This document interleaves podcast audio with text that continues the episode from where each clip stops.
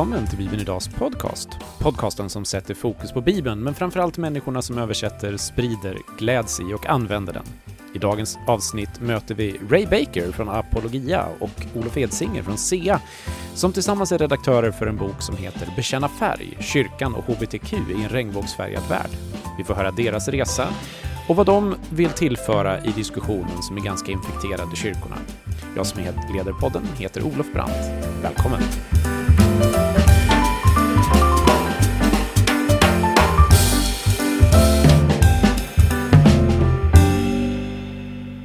Bibeln Idags podcast och idag så sitter jag här i eh, biblioteket på Bibelsällskapet tillsammans med eh, två vänner till podden får vi säga. Ni har båda varit med förut. Välkommen mm. Ray! Tack ska du ha! Och välkommen Olof! Tackar! Så nu blir det lite rörigt här för nu har vi två Olof. Jag då som heter Olof Brandt som ska försöka leda samtalet och Olof Edsinger, Svenska Evangeliska Alliansen. Yes. Och Ray Baker från Apologia. Ja. Ni eh, har, ja när det här släpps så har ni precis släppt en bok tillsammans. Det stämmer bra. Eh, och eh, jag tänkte att vi ska ha ett, ett samtal lite grann om eh, boken. Vad, vad är bakgrunden till varför den här boken har kommit till? Vad innehåller boken? Vad kan man förvänta sig som, som läsare av boken? Men framförallt då kanske era två resor och vad ni eh, bär med er in i skrivandet här. Så jag tänkte att vi ska börja med Ray. Vill du berätta eh, din resa fram till att ni släpper den här boken. Var, varför är du med som redaktör för den här boken? För det första tycker jag att vi ska nämna vad boken heter ja, för någonting. Det, absolut, det är en bra idé. Ja, boken heter alltså eh, Bekänna färg, kyrka och HBTQ i en regnbågsfärgad värld. Och den kommer ut på Apologia förlag och Svenska Evangel Evangeliska Alliansen eh, i april 2019. Yes. Och när vi spelar in det här så har den väl precis kommit från tryckpressarna tror jag. Men eh, när vi sänder det så borde den ha varit släppt. Så då kan man få tag på den i bokhandeln eller via era hemsidor. Precis. Mm. Jo, men eh, eh så jag eh, är en kristen, jag är teolog, eh, har jobbat inom kristen tjänst i jättemånga år. Men jag har så länge jag kan minnas haft ja, känslor för, eh, för killar. Jag har eh, attraherats av killar. Eh, så att jag har en samkönad attraktion, eh, som man säger nu för tiden, eller en homosexuell läggning som man sa förut. Eh, och, men på grund av min bibeltolkning, hur jag läser bibeltexterna, så har jag all, alltid ansett att Gud bara välsignar sexuella handlingar som äger rum inom ramen för eh, ett äktenskap mellan en man och en kvinna. Eh, och därför när jag, var, eh, när jag var ogift så levde jag i avhållsamhet.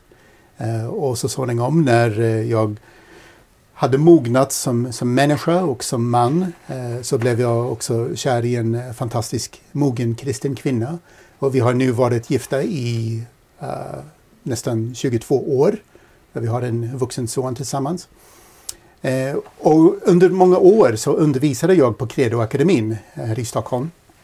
Och jag har alltid berättat för, för klassen om, om ja, lite av min livsresa och hur det har gått vågor och tider i mitt liv då, då jag har varit väldigt arg på Gud. Uh, för att Gud gömde sig eller Gud inte svarade på mina böner att göra mig normal eller uh, andra sådana saker eller vred eller ilska på Gud, mot Gud på grund av att alla mina kompisar började gifta sig och skaffa barn och sånt och så var jag alldeles ensam. Uh, men som sagt, då, då har Gud gjort ett stort arbete i mitt liv. Och, uh, så att jag, jag, jag är som sagt lyckligt gift med en fantastisk kvinna. Uh, har berättat för dig berättat om det för alla klasser på Credo-akademin och genom åren så har det varit åtskilliga samtal med unga människor som också kämpar med samma saker. Uh, som inte har sett några positiva förebilder uh, inom den kristna kyrkan. Uh, de ser viss, vissa människor som kanske väljer att leva ut sin homosexualitet och försöker rättfärdiga det på olika sätt att Bibelns texter inte längre är relevanta i vår tid eller liknande saker. Men eh, nästan inga andra förebilder som menar att ja, men det går att leva ett, eh, ett värdigt liv och ett välsignat liv även i avhållsamhet.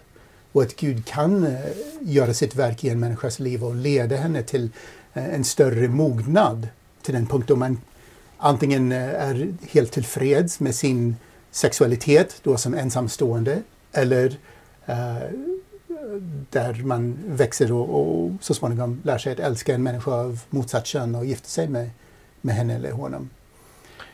Du kom ju ut med den här berättelsen Eh, du, du har berättat den på Credoakademin i många år mm. men du var ju också med i en intervju i var det Världen idag? I, i Världen idag i mellandagarna 2017. Va? Vad fick du för reaktioner då? Ja, det var väldigt många människor som hörde av sig eh, efter det att de hade sett artikeln i tidningen. Eh, och eh, kan, jag var lite rädd när artikeln kom ut att eh, en del skulle en del troll och sånt skulle komma och kritisera eller kränka mig med elaka kommentarer och sånt. Tack och lov så blev det inget sånt. Och ingenting? Ingenting. Eh, utan responserna som jag fick var väldigt positiva. Från människor som var i liknande livssituationer som jag, som har en samkönad attraktion men eh, som, har, som nu lever i ett heterosexuellt äktenskap och har, har barn. Eh, eller människor som, eh, som är nöjda med, sin, med sitt liv och, och sin sexualitet och har lärt sig att leva med det och hantera det på ett sätt som ärar Gud. Eh, och även andra människor som fortsätter att kämpa på, på mm. ett eller annat sätt och bara behövde ett lyssnande öra och liksom någon att samtala med lite grann. Och hur kommer det sig att du då går in som redaktör för en, en sån här bok? Jo, men eh, utifrån alla dessa år på Credoakademin och samtalen med ungdomarna där så, så hade jag en, en växande längtan inom mig mm. att skriva en, en egen bok om homosexualitet där jag tänkte blanda både min personliga livsresa med sund exegetik och titta på forskningen kring homosexualitet och dess orsaker och, och andra liknande saker. Eh, och eh, när jag höll på med, med mina forskningar och, och sånt då släppte Libris två kontroversiella böcker hösten 2017 om homosexualitet. Och när dessa böcker kom ut då eh, var det en hel del av mina vänner och, och andra som sa I men Ray, du måste skriva någonting nu, du måste skriva snabbt och så. Men jag ville inte liksom komma med något som var reaktionärt, som bara skulle komma som en respons eller ett svar direkt på, på det som Libris hade gett ut. Mm. Så, utan jag ville att det ska vara en egen bok. Men så småningom så, så pratade Olof och jag om det här och tänkte att men, eh, om vi kanske samarbetar och, och samlar ihop en antologi, en samling olika texter av olika författare så det är flera röster som kommer fram och inte bara min röst och min erfarenhet. Så det, det var ursprunget till, mm. till den här boken. Och Olof då? Eh, du är väl får man väl känna, känd av ganska många att engagera dig i, i frågor om, om genus och hbtq och så vidare. Men varför har du hamnat här? Ja, det är en bra fråga. det var ingenting jag planerade, eh, måste jag ändå ärligt säga. Eh, men jag har jobbat mycket med unga mm. och undervisat kring lärjungaskap i många år. Och eh, inte minst på ungdomsläger och liknande. Och det är klart, det här med sexualitet är ju en central del av våra liv eh, och också en central del av lärjungaskapet, hur vi hanterar vår sexualitet. Eh, så att eh, det är väl någonting jag har till och från undervisat om också eh, tidigare. Eh, och sen gjorde jag egentligen en bloggserie, det är några år tillbaka, 2013. Tänkte att nu ska jag försöka formulera mig lite mer konkret kring de här frågorna. Och det blev en ganska lång serie på min blogg då kring sexualitet och Bibelns förhållningssätt i olika eh, frågor. Eh, och det var det första tillfället då jag konkret började formulera mig eh, kring det här utanför själva liksom, förkunnaruppdraget. Mm. Um, och um, jag upptäckte ganska snabbt att, att det var stort intresse för de frågorna. Uh, och den serien blev ju sen både en artikelserie i Världen idag och en, en bok som heter Gud och sex. Uh, men sen har jag också alltid varit intresserad av, av trender i samhället och framförallt också utifrån ett kristet perspektiv. Hur utmanas på vis den kristna världsbilden? Eh, och det gäller ju väldigt många områden, men inte minst det här med identitet och sexualitet. Mm. Eh, och um, jag gjorde en lite djupare studium av det här med normkritiken som ju började lanseras för några år sedan på bred front i Sverige. Som egentligen bottnar i, i den sista bokstaven i HBTQ, queer-ideologin. Mm. Um, och uh, den boken har ju också fått en, en väldigt stor spridning. Um, tryckt i tredje upplagan nu. Så jag märker att det är många som funderar på de här sakerna. Hur ska vi förhålla oss till de här nya trenderna? Eh, samtidigt som det är ganska få som både har läst på Mm. och på ens kan frågorna men, men också eh, inte så många som känner sig manade att på något vis eh, ställa sig lite mer sårbart också i fronten för att diskutera dem. Mm. Så för mig har det blivit mer av en, en, en kallelse att, att jag känner att ja, men jag, jag tror att jag eh, ändå har en uppgift att, att finnas som en, en, en kristen röst men också en, en eh, förhoppningsvis genomtänkt och påläst röst i de här frågorna. Har, eh, samma fråga som till Ray tidigare. Vad har du fått för reaktioner? Om man tänker, du, som du säger, det är många som vill läsa det. Men vad har du fått för uttalade reaktioner på bloggserien och sen framåt? Nej, men det här är ju ett ämne som alltid väcker någon form av respons. Få är helt neutrala. Eh, Även jag får ju naturligtvis väldigt mycket eh, tacksamhet som jag möter eh, från, från likasinnade kristna framför allt. Mm. Eh, där man just säger det att det är så få som, som går på djupet i det här men vi behöver en sån fördjupad analys och undervisning. Eh, särskilt när jag har skrivit om trans och queer har jag märkt att det har blivit väldigt känsliga frågor. Mm. Jag har egentligen inte skrivit så mycket om homosexualitet. Vissa Mm. kanske tror att jag skrivit mer om det än jag har. Men, men det har jag inte. Utan framförallt trans och queer har jag engagerat mig i de sista åren. Och jag har ju också ett kapitel i boken som, som berör det. Och, och det var ju också någonting som vi, vi såg när vi läste Libris antologi. Jag säger som Ray att det här är inte primärt en, en reaktion på den utan vi såg att det finns ett behov av att jobba med de här frågorna. Absolut. Eh, Men, men en del som, som ingår i i det behovet är ju att se lite bortanför frågan om homosexualitet och, och Ja, samkönat sex. Eh, För HBTQ är så mycket mer. Eh, Och, och en artikel särskilt då i, i, i boken har jag ju skrivit som, som fördjupar de perspektiven. Men eh, Ray, vill du sammanfatta lite för den som, som nu inte har hunnit plocka upp boken? Vad är det för typ av bok? Ni har sagt att det är en antologi, att det är olika typer av texter och att ni båda två har varit med och skrivit. Men vill du bara ge en översikt av vad det är för typ av bok? Eh, först och främst så tycker jag att det är viktigt att poängtera vad vi vill med boken. Ja. Och vi vill verkligen eh, hitta en, en varm ton och en balans som, som visar stor respekt för hbtq-personer och eh, för andra som kanske har lite andra, drar lite andra slutsatser än vad vi gör när det gäller själva bibeltexterna. Eh, vi vill ändå möta dem med, med stor respekt och värme. eh, utan att göra avkall på det som vi anser vara våra bibliska övertygelser som vi grundar då i en utläggning av bibeltexterna. Så eh, boken då innehåller flera olika moment. Eh, dels har vi flera kapitel som tar upp de exegetiska texterna.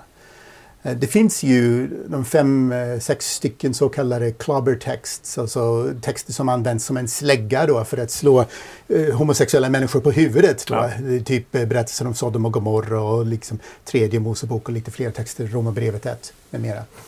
Eh, vi, vi tar upp de här texterna eh, och försöker att belysa dem så nyanserat som möjligt. Vi tar upp olika tolkningar som har lagts fram kring dessa texter, hur de ska förstås och även av lite mer revisionistiska bibeltolkningar, och bibelutläggningar, hur de har förstått texterna och vad vi anser vara svagheter och, och även styrkor med sådana tolkningar.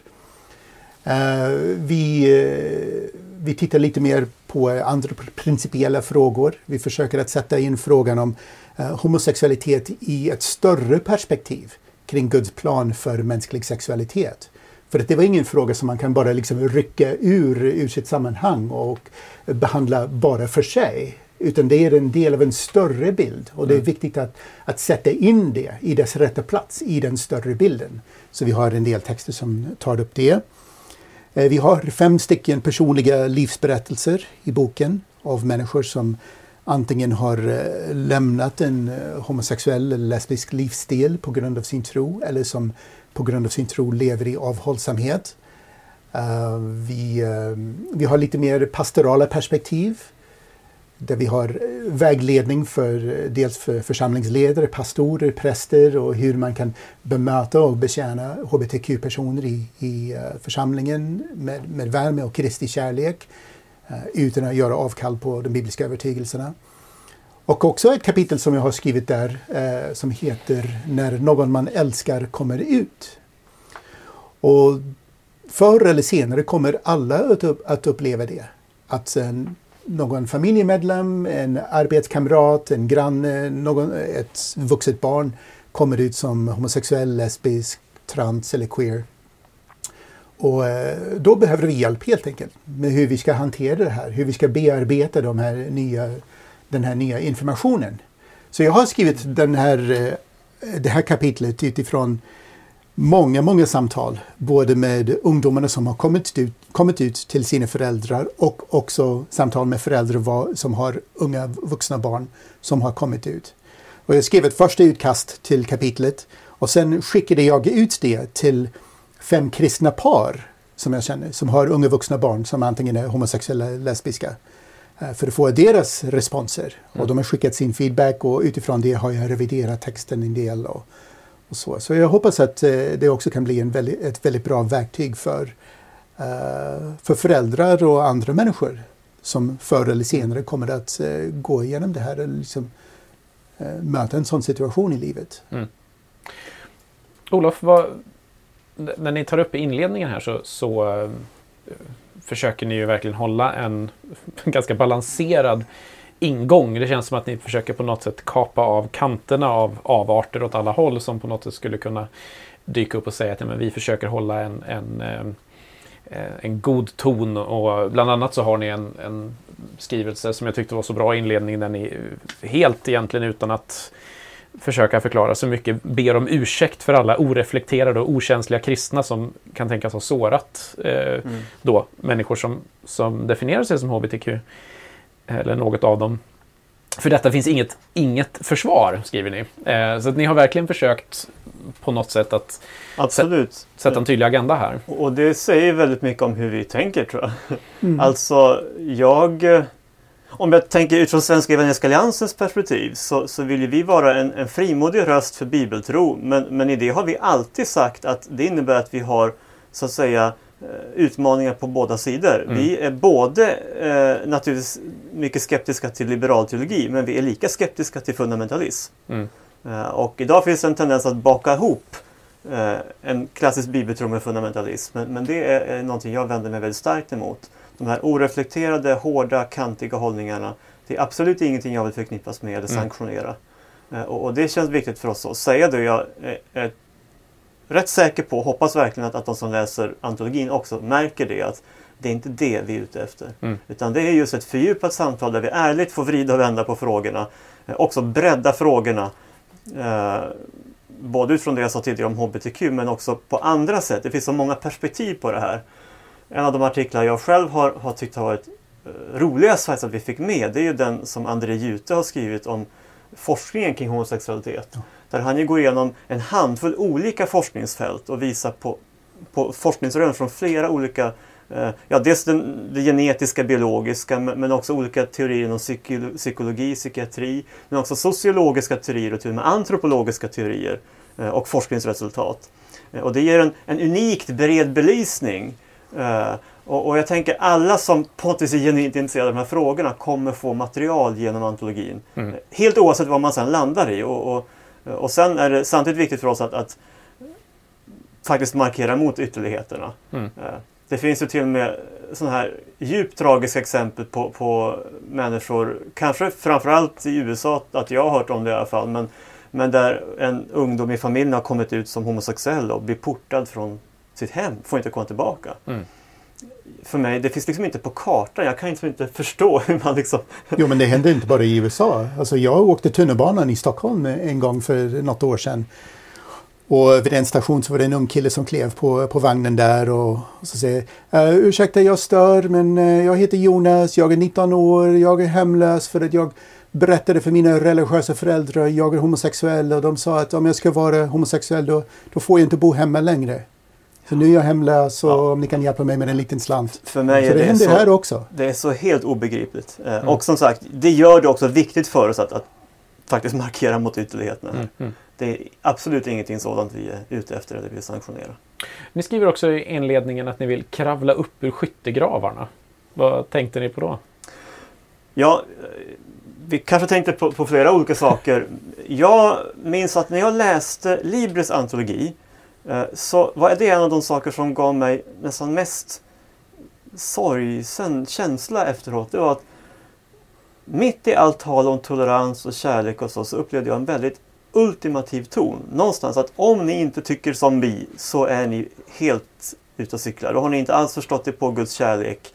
Ehm, det går inte att skilja mellan sak och person. Gång på gång upprepas det med lite olika språkbruk. Att, att man måste bejaka vad en människa gör om man vill bejaka den personen. Och för mig är det tvärtom helt nödvändigt att vi måste kunna skilja mellan sak och person.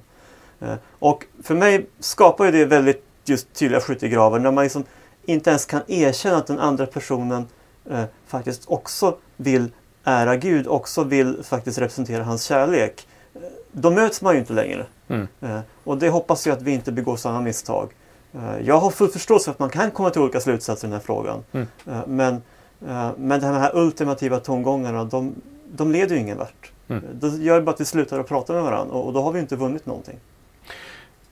Ray, ni, jag tänker på, på en, en, en av de saker som eh, eh, kopplar an till det Olof säger här är ju just att det tenderar att bli väldigt tydligt två läger och att ni i någon mening ställer er ju i, i ett läger när ni skriver en antologi som i mångt och mycket belyser mestadels ena sidan av saken. Eller ja.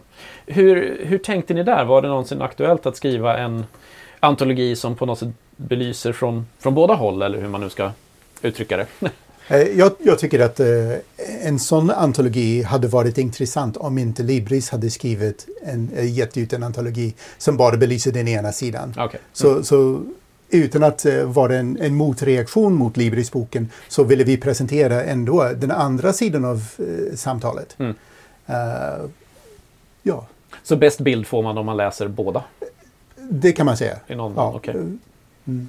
Sen är det ju ändå så att talar vi bibelteologi så är det ytterst få framstående exegeter eh, som eh, har någon annan tolkning av de här texterna än den klassiska. Mm. Nej, det stämmer. Och det blir faktiskt oärligt att få det att låta som att det är likvärdiga alternativ rent tolkningsmässigt. Eh, pastoralt är det här en jättesvår fråga. Mm. Teologiskt menar jag fortfarande att det inte är en så svår fråga som det ofta mm. framställs som. Nej, precis. Och, och, och, eh, med det andra perspektivet, mer bejakande perspektiv, kan man säga att man, man har en, kanske en annan utgångspunkt ja. än, vad, än vad du och jag har, Olof. Uh, deras utgångspunkt är mer uh, att se till människan. Mm. Och det är människans erfarenhet som, är, som blir utgångspunkten.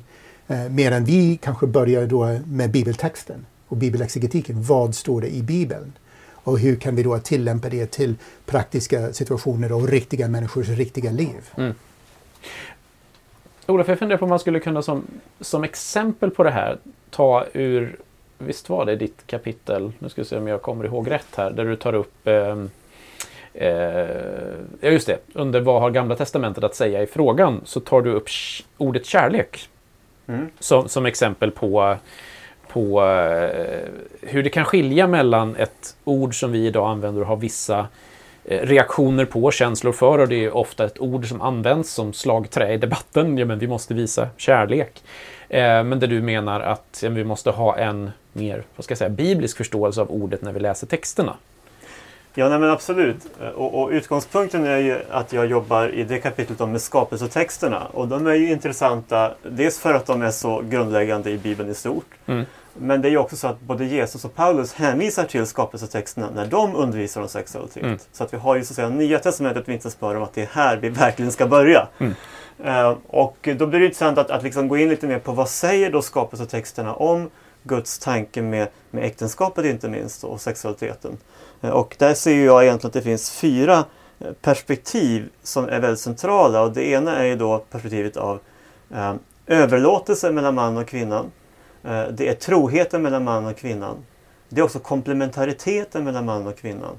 Eh, och det är också sen budet till fruktsamhet och möjligheten för potentiellt att få barn. Alla de fyra perspektiven finns väldigt starkt i skapelsetexterna. Och nu nämner du inte kärlek här. Nej, det är det jag inte gör. För att, ehm, och här är jag lite lärjunge till Richard Hayes som vi också har en, en artikel av i mm. boken mm. som är världsberömd kristen etiker. Uh, för Problemet med ordet kärlek är ju att många som använder det och hör det ordet idag associerar till någonting helt annat än det som Bibeln lägger i själva ordet. Så jag är självklart en varm anhängare av kärlek. Men kärlek så som det definieras etiskt i Bibeln bestäms utifrån korset. Jesus uppenbarar Guds kärlek på ett unikt sätt genom korset. Genom helt enkelt sin självutgivande kärlek. eh, Där han går in som en tjänare, underordnar sig Guds stora plan, till och med går i döden för vår skull. Och det är ju Paulus huvudbild när han sen ger framförallt männen uppmaningar i Efesierbrevet 5 hur de ska behandla sina hustrur. Mm. Så att det är ju liksom verkligen i centrum av också Bibelns äktenskapsundervisning. Men poängen är då att när många moderna svenskar använder ordet kärlek så syftar man antingen på förälskelse, eh, vilket är någonting annat. Eh, för när jag gifte mig med min fru så lovade jag inte att jag ska vara ständigt förälskad i henne. Hade jag gjort det hade jag varit väldigt dum. För det kan man inte lova och det kan man framförallt inte vara. Mm. Eh, För en känsla går upp och ner. Men en överlåtelse att jag ska stå vid hennes sida och tjäna henne och ära henne, det kan jag lova. Mm. Tyvärr är jag inte heller fullkomlig så att det finns dagar då jag inte gör det på bästa sätt heller. Men det är i alla fall någonting jag kan lova som en inriktning och som också Bibeln förväntar sig att, att, att vi lägger det i ett äktenskap. Eh, och det är också så att kärlek i vår kultur ofta uttrycks som ett slags sätt att bara bejaka och bekräfta. Eh, jag brukar säga att kärlek ofta uppfattas som att man stryker medhårs. Mm. Bibeln förknippar också kärlek med, med lydnad, med att, att man ibland drar gränser, tar avstånd från saker. Ehm, och då kanske det är så att i vår kultur så är, är överlåtelse det ord som egentligen ger störst rättvisa åt vad Bibeln menar. Och, och därför så använder jag det Mm. eh, helst. Jag tänker här, nu när vi är inne då på, på Bibeln och, och så, så är det ju inte så att de här frågorna är det som är de absolut vanligaste frågorna på något sätt i, i bibeltexten. Men jag tänkte på din resa Ray, Mm. När du berättar i, du har ju ett kapitel, du är en av de här personerna som skriver under min berättelseflaggan. Ja. Eh, så berättar du ju om att du kommer från en, en eh, ganska konservativ bakgrund i USA. Eh, och du berättar om din resa där du då brottas med, eh, med homosexuella känslor och, eh, och så vidare. Hur, jag tänker, du har verkligen kommit ifrån, du har haft en, en vad ska jag säga då, konservativ bibelundervisning i botten. Du har haft de här känslorna. Hur, hur har det mötet liksom, va- varför la du inte bara Bibeln på, på skräphögen och sa nej men nu vill jag leva mitt liv här utan den här gamla bokens in, inverkan? Jo, precis. Eh, Men det, det var en fråga som jag eh, ställde mig under hela, ja, hela tiden jag var sådär mellan 20 och 25 år gammal. Ja.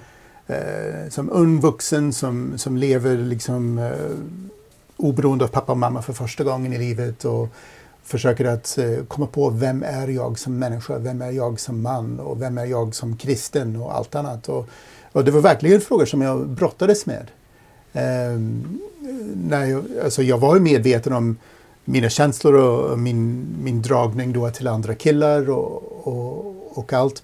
Samtidigt som jag hade en stark tro på Jesus och, och en stark tro på Bibeln som Guds ord. Och, så att jag skaffade, skaffade mig en massa böcker, inklusive många böcker där eh, författare presenterar andra alternativa tolkningar eh, till de klassiska bibeltexterna. Lite mer revisionistiska eller bejakande eh, tolkningar. Och för att försöka att se, stämmer det? Har jag missförstått Bibeln? Gud kanske inte tycker att det är så farligt. Eh, eh, om två killar älskar varandra och vill vara trogna mot, mot varandra och så. Eh, men nej, så jag kan Bibeln, jag kan grekiska, jag kan teologin och, och så. Och även eh, om jag försökte eller, eller, och hade personliga skäl för att vilja lita på dessa andra tolkningar så kunde jag inte se hur deras tolkningar gick ihop med det som faktiskt står i bibeltexterna. Uh, så det, det var ju bibeltexten som var grundläggande och avgörande Mm. för mig uh, i, i mina livsval. Uh, har, jag lev, har jag levt syndfritt? Nej, det har jag inte. Det har ingen människa gjort. Um, men jag har haft det här pe- perspektivet hela tiden. Då. Och, och jag kan säga att som teolog har jag eh, ändrat min åsikt eller mitt perspektiv i en hel lång rad olika teologiska frågor genom åren. Men här var just en specifik fråga där jag trots personliga skäl inte har ändrat mitt perspektiv. Mm. Och så i andra teologiska frågor eh, om det gäller karismatik eller kvinnligt ledarskap och andra sådana saker, har jag gått tillbaka till bibeltexten och sett Ja, just det. Men eh, ja, bibeltexten kan faktiskt förstås så här. Så. Men jag har inte sett tillräckligt goda skäl för att gå tillbaka och ändra, min, äh, ändra på min uppfattning på vad som står i Bibeln. Mm. När det gäller just äh, samkönade sexuella relationer. Men Olof, varför tänker du att det här är en viktig fråga? Jag tänker att det finns många, många frågor som man i kyrkan och framförallt i, sam, i, i vad ska säga, mötet mellan olika traditioner kan säga att ja, det, här är, det här är inte en viktig fråga för oss just nu att prata om. Vi kan lägga den åt sidan så länge. Eh, var, varför ser du det här som en viktig fråga? Ja, det är nog ganska många skäl egentligen till att ja. den är viktig. Alltså, dels är det naturligtvis viktigt eh, hur vi som kristna förhåller oss till Guds ord. Mm. Och då tänker jag att oavsett fråga, eh, om vi aktivt går emot det Bibeln säger så gör det någonting med vår relation till Bibeln.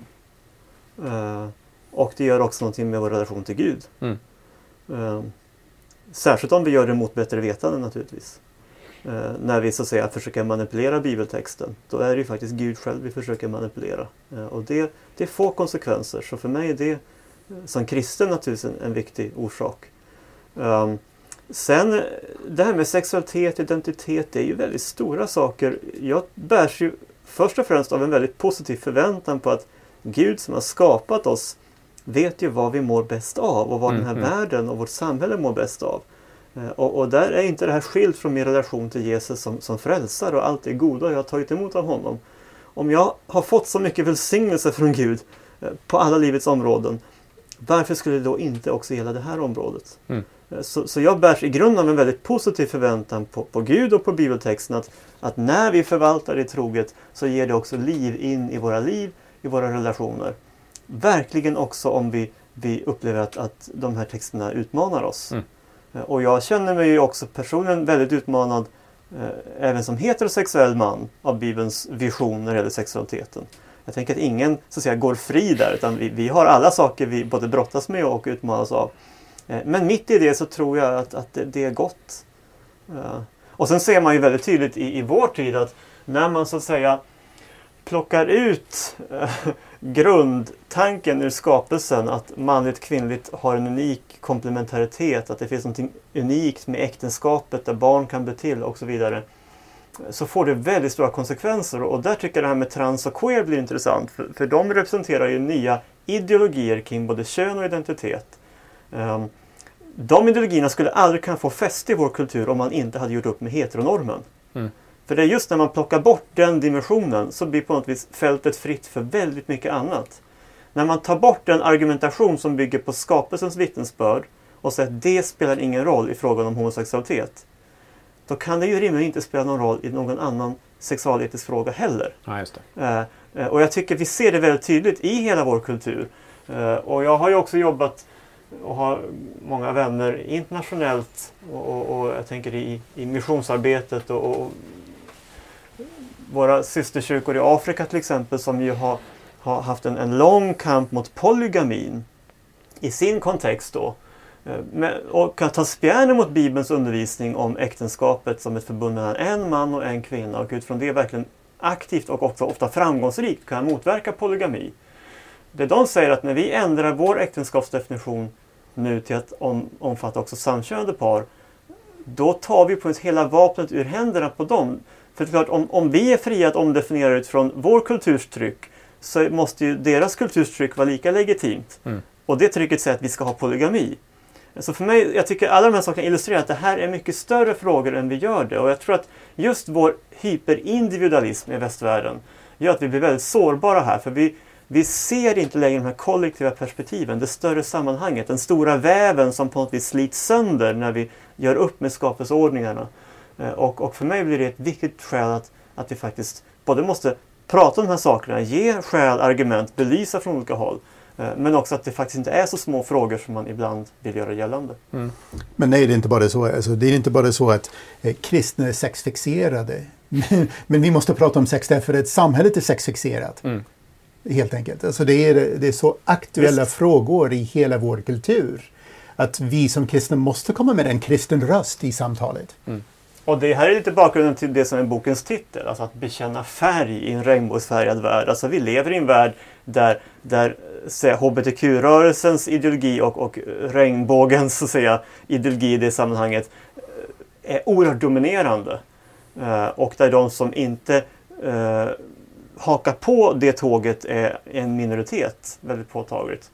Uh, jag har aldrig hört nästan en predikan i, i kyrkan om homosexualitet tror jag faktiskt. Och knappt om sexualitet en vanlig söndag förmiddag. Nej, nej. Så det här ryktet att kyrkan skulle vara sexfixerad är ju extremt överdrivet. Mm. Däremot är det här en konkret punkt där samhället har ett oerhört starkt tryck på kyrkan att ändra mm. sig. Och det gör att det här blir en ständig konfliktyta. Men det är absolut inte för att kyrkan eh, är fixerad i frågan. Underlivsteologi. Ja, som det ofta. Utan då är vi tillbaka till frågan om lydnad. Eh, jag håller med om att det här är inte den viktigaste och mest frälsningsavgörande frågan vi har. Eh, men vår relation till Kristus är viktig. Mm. Och om vi aktivt går emot det vi någonstans har goda skäl att tro är Jesu vilja, då, då blir det allvarligt. Mm. Oavsett vilken fråga det gäller. Om man då eh, tittar lite grann på, på en del vad ska vi säga, argument som ibland lyfts så är det ju att eh, ja, men den här idén om att homosexuella relationer och, och, handlingar skulle vara ett problem. Det är någonting som vi hittar i Gamla Testamentet där vi hittar äh, texter om att ja, massa andra texter också som vi idag som kristna inte följer utifrån att eh, Jesus kommer i nya förbundet och så vidare. Eh, har att göra med hur vi ska, att vi inte behöver stena och, och annat sånt där som dyker upp i tredje Mosebok och sådär. Ehm, och så säger man att men nu lever vi i det nya förbundet, det nya testamentets tid, det är Jesus och så vidare. Men Ray, det, det här är ju frågor som ni skulle säga hävda, hävdas även i nya testamentet va? Ja, absolut. Alltså, eh, vi har tre primära texter i Nya Testamentet där man eh, antingen lägger ut någonting om homosexuella relationer eller att de nämns lite förbifart i lite syndikataloger. Mm. Och den klassiska texten är Romarbrevet kapitel 1 där Paulus använder då eh, homosexuella relationer eh, som inte som ett skäl till Guds vrede. Det är inte att Gud uttrycker sin vrede mot världen och vill döma världen på grund av homosexuella, utan tvärtom. Att, han, eh, att människor har lämnat det naturliga uttrycket för sin sexualitet i ett heterosexuellt förhållande eh, som eh, som ett uttryck för sitt uppror mot Gud. Och det är väldigt viktigt att lyfta fram. Och det är också intressant att se att här i Romarbrevet kapitel 1 eh, nämns också lesbiska förhållanden den enda gången det nämns i, i Bibeln. Uh, och det säger mycket då att, uh, att texten inte kan tolkas då som maktövergrepp eller pedofili, att uh, män förgriper sig på sina slavar eller på pojkar eller eller liknande när dessa lesbiska relationer också nämns i, i sammanhanget där. Mm. Och sen nämns, text, eller nämns eh, homosexuella relationer två gånger i syndakataloger då i Första Korintierbrevet kapitel 6 och i Första Timoteusbrevet. Eh, och, eh, och där använder alltså Paulus myntar ett nytt ord som inte fanns i grekiska texter som vi har tillgång till från tiden innan dess. Sen har det blivit en del av det grekiska språket. Men eh, det grekiska ordet som Paulus använder där har han myntat förmodligen av två ord i Gamla Testamentet när man översatte tredje Moseboken eh, och förbudet mot homosexuella relationer i kapitel 18 och 20 till grekiska. Dessa två ord, arsen som betyder man och kite som betyder eh, säng eller ligga med någon, eh, har Paulus satt ihop till arsen och kite som betyder en män som ligger med män eller man som ligger med man. Och eftersom det var liksom ett nytt ord som Paulus hittade på det är uppenbart, tycker jag, att han har tagit det från Septuagintan, den grekiska översättningen av tredje Moseboken. Så det finns en väldigt tydlig koppling där. Om man är, är imponerad om, om du som lyssnar är hbtq-person och har stannat så här länge. Men jag tänker vi ska ändå stanna upp vid den bollen. För ni skriver också väldigt uttryckligt i inledningen till dig som är hbtq-person. Antingen inte har kommit ut eller som har kommit ut men som ändå brottas med de här frågorna. Vad skulle ni vilja säga till den personen? Som nu förhoppningsvis då fortfarande lyssnar och undrar vad, vad tänker ni egentligen? Ray, vill du? Ja, jag skulle säga att Gud älskar dig eh, och vill fortfarande ha gemenskap med dig. Eh, jag vet att det har varit en väldigt svår väg för dig att gå. Uh, och du har förmodligen mött mycket missförståelse och kanske förakt. Uh, okänsliga och okärlekslösa kommentarer från uh, kanske välmenande kristna människor. Mm. Men det som jag skulle vilja fråga dig då, tycker du att sådana personer som, som kommer med sådana elaka kommentarer, tycker du att de är lik Kristus? Det tycker inte jag heller. Så jag vill inte att du ska liksom, bli lik dessa homofober som du kanske har haft i ditt liv. Utan jag vill att du ska bli lik Kristus och följa honom. Och eh, Olof då, om vi vänder oss till, till församlingar som brottas med de här frågorna. Som har ja men, både vuxna och ungdomsgrupper där, där frågan då kanske inte har ventilerats så mycket. Men där man eh, då både kan möta ungdomar och vuxna som kommer ut men också många som funderar kring det här och man känner samhällets tryck. Alltså vad, vad skulle du vilja säga till människor som är ledare på olika sätt i församlingar? Hur ska man hantera de här frågorna? Ja, det är naturligtvis en, en jätteutmaning. Men jag tror att det första vi behöver återerövra om vi har tappat det, det är ju den positiva förväntan på Gud. Ja. Eh, att faktiskt se att det finns en, en positiv till och med en fantastiskt vacker vision för identitet och sexualitet i Bibeln. Som egentligen svarar på väldigt många av de frågor som ställs i vår tid.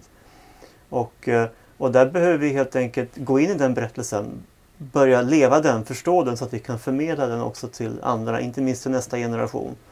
Eh, för det jag också ser idag är en oerhörd sexuell trasighet. Mm. Ehm, och eh, jag tror ju på riktigt att det är i relation till Gud som vi kan bli verkligt hela i vår identitet. Eh, och jag tänker också att det är där vi kan få en, en vision för vår sexualitet som, som eh, ja, är i harmoni med hur Gud har tänkt det och som vi därmed också mår bra av. Ehm, det kräver lite mer jobb i vår tid eftersom det ställs en ny typ av frågor eh, jämfört med bara 10, 15, 20 år sedan. och jag förstår att många tycker det är jobbigt också med det här hetska tonläget som ofta finns kring de här bitarna.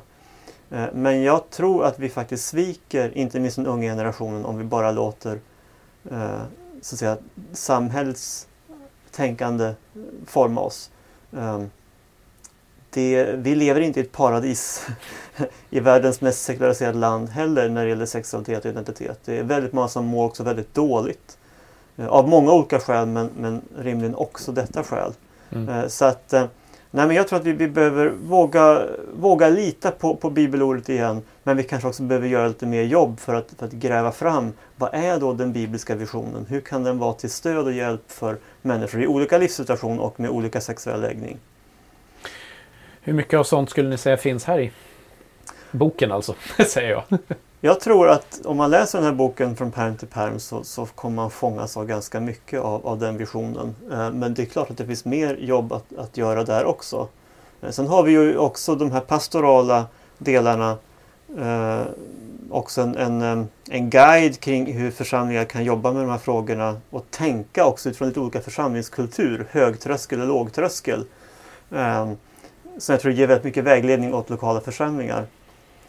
Eh, så alltså Visst, en antologi med, med 20 texter är ju omfattande men, men det här är så mångfacetterat så att, så att, vi får inte allt sagt i antologin heller. Men jag ja. tror verkligen att läser du den här så får du en del av den smaken. Mm. Eh, både direkt och indirekt. En väldigt personlig fråga. Eh, alltså att kasta sig ut nu och sätta sitt namn på en sån här bok eh, i dagens samhälle som ju som du säger, tonläget kan vara väldigt högt, särskilt i de här frågorna. Är ni rädda att göra det här?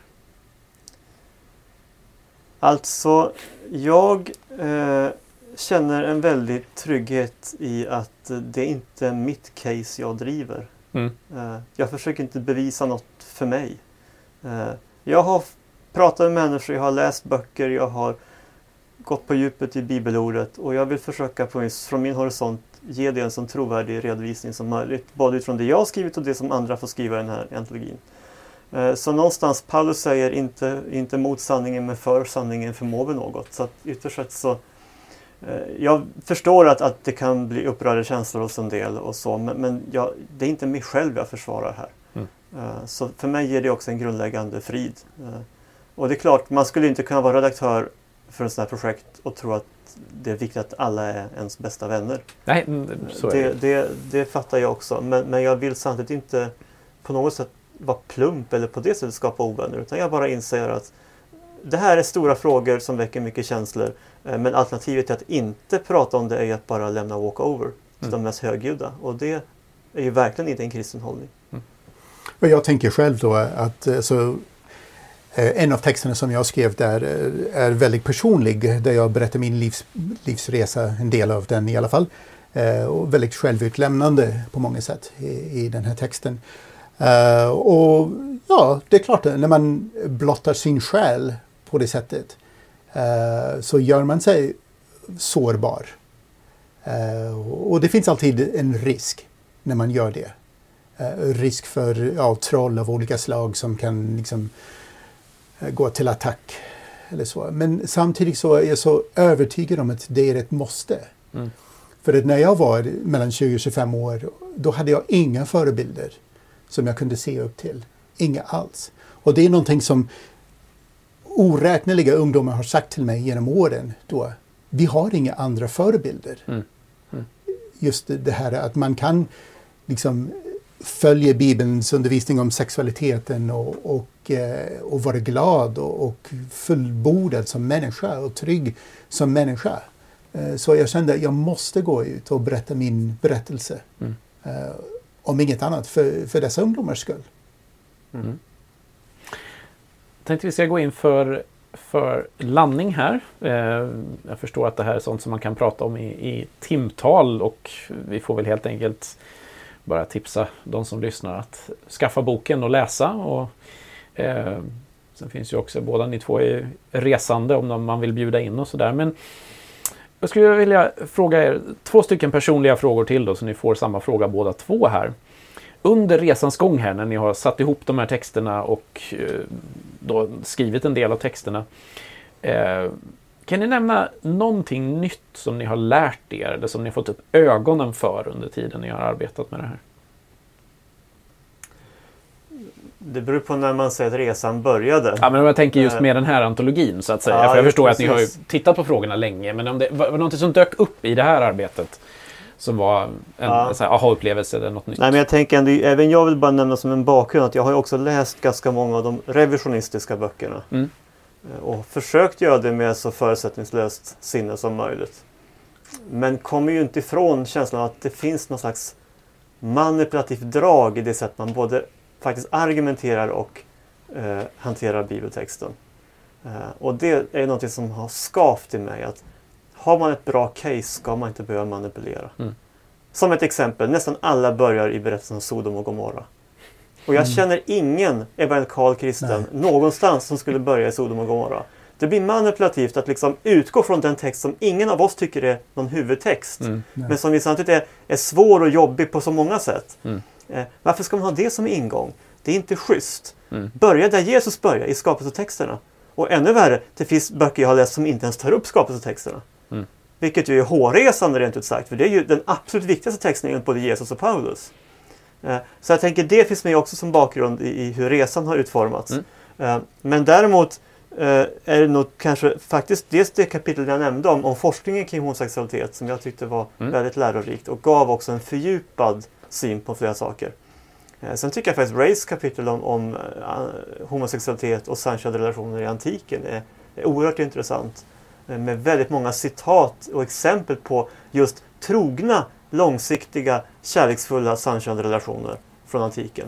Och det är ju intressant eftersom jag har sett så många påstå att det inte finns sådana exempel. Och här radas de ju på lång rad. Mm. Och det tyckte jag var väldigt intressant. Mm. För det är inget område jag är någon expert på sedan tidigare. Mm. En sak som jag tyckte var intressant var just eh, när man tänker särskilt på eh, hela den här växande trenden med trans. Eh, och Olof skriver lite grann där om rapid onset gender dysphoria. Eh, där människor som kanske aldrig har visat några tidigare tecken på att eh, de är födda i fel kropp eller så plötsligt kommer det ut som jag är född i fel kropp, jag är egentligen en ja, flicka eller pojke eller vad det nu är.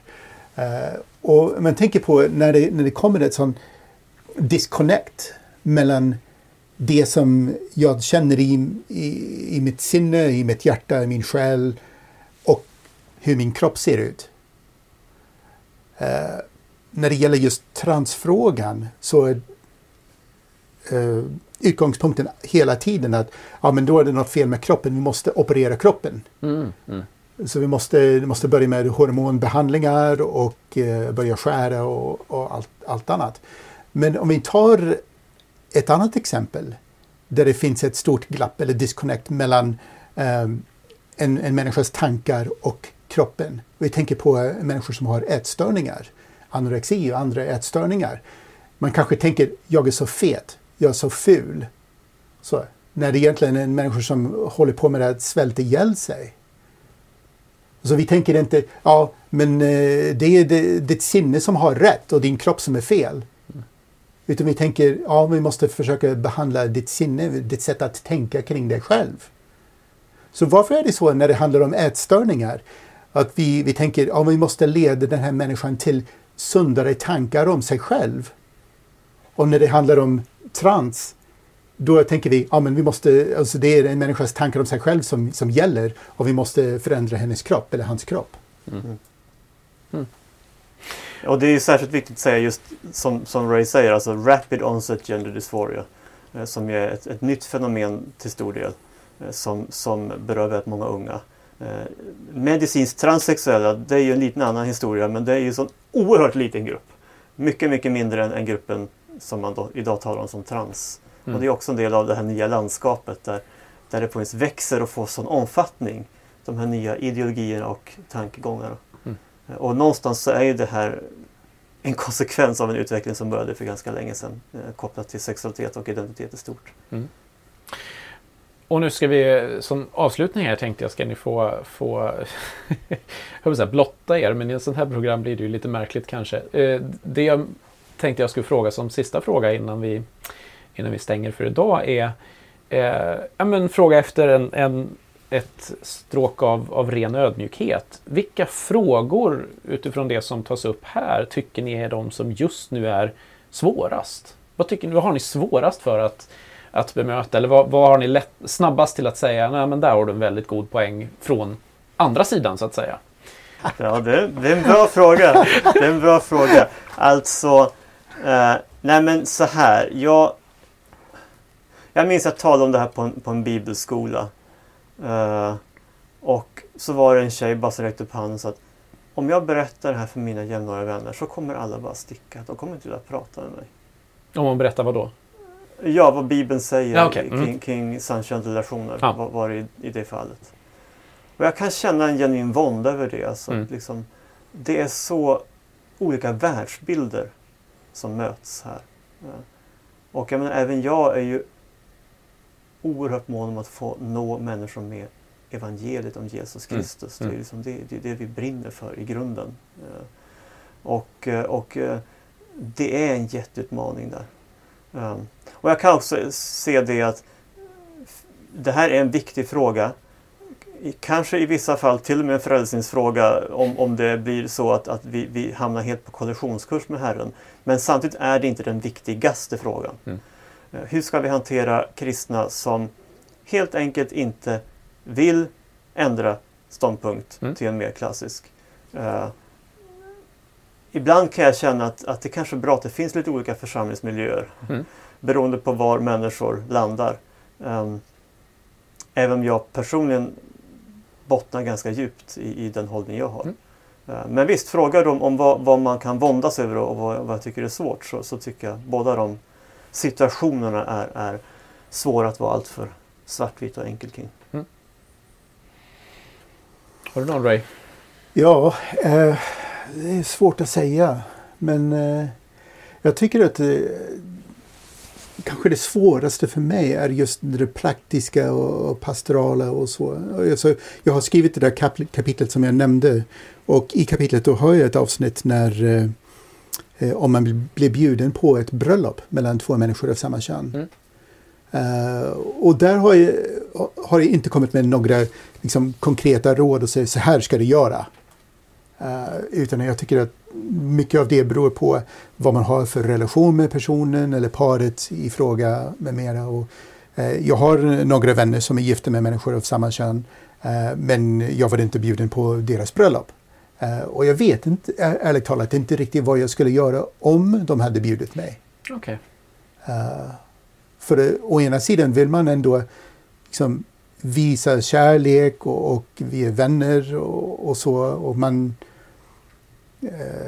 man vill att de ska vara lyckliga i sitt liv även om man inte tror att Gud kan välsigna eh, ett eh, äktenskap mellan två människor av samma kön. Så där, där känner jag mig fortfarande ganska kluven. Mm. Och det är någonting som Bibeln naturligtvis inte talar om. Mm. Eh, så inte specifikt där. Så vi har ju en positiv modell för hur äktenskap ska se ut eh, mellan man och kvinna i livslångt förhållande. Men, eh, men Bibeln säger ingenting om hur vi ska förhålla oss till andra relationer på det sättet. Mm. Så där, just på den här specifika frågan tycker jag att det blir väldigt svårt att säger, ja, men Bibeln säger att du, du ska inte gå med på, eh, alltså vara med på, eh, på deras vigsel. Mm. Eller att du ska göra det. Nej, men nej, jag känner mig ganska kluven där. Mm. När det gäller just den praktiska tillämpningen. Okej. Okay. Tack så mycket för det ni har delat och för att ni har gjort det här jobbet. Men jag, jag tycker det bara som ett ja. sista ord här. Eh, om du nu lyssnar på podden här och du förstår redan nu att du inte håller med Olof och mig och slutsatserna som vi har kommit fram till. Då, då tycker jag, och hoppas jag, eh, att du ändå ska skaffa boken och läsa den. Mm. För att ta del av våra argument. När vi har chansen att lägga ut våra tankar lite mer systematiskt och på ett mer genomtänkt sätt. Alltså både Olof och jag har läst ofantligt många olika böcker som är skrivna av människor som som kommer till andra slutsatser än vad vi själva har gjort. Men vi har alltid gjort det med ett öppet sinne för att försöka förstå. Mm. Och jag hoppas att eh, du som kanske landar i en annan slutsats än vad vi har gjort också kan uh, bjuda lite på dig själv och, och, vara öppen för andra perspektiv. Mm. Ett alldeles utmärkt slutord tycker jag. Har du något mer, Olof? som du känner att du vill ha sagt? Jag menar det finns ju massor att säga. Men... Nej, men det, det finns mycket att säga men, men eh, det var fint att få, få bara nysta i några trådar här. Mm. Det, det känns bra. Och som sagt, boken finns att få tag på om vi nu har släppt den här podden efter att ni har släppt boken, men det tror jag vi kommer att ha gjort. Och eh, då når man den till exempel via Apologias webbshop antar jag? Ja, Apologias webbshop och Adlibris och andra eh, bokhandlare på, på nätet. Mm. Mm. All... Även via Evangeliska Alliansen. Så att... Precis, så stöd gärna eh, organisationerna istället för att Libris, säger jag. Host, host. Eh, så slipper ni säga det själva. Eh, då kan vi ge ma marginalen däremellan till ja. organisationerna istället. Eh, som gör det här arbetet att försöka vara en, en kristen röst på olika sätt. Så kan ni också titta vad det finns för andra böcker och resurser att få tag på.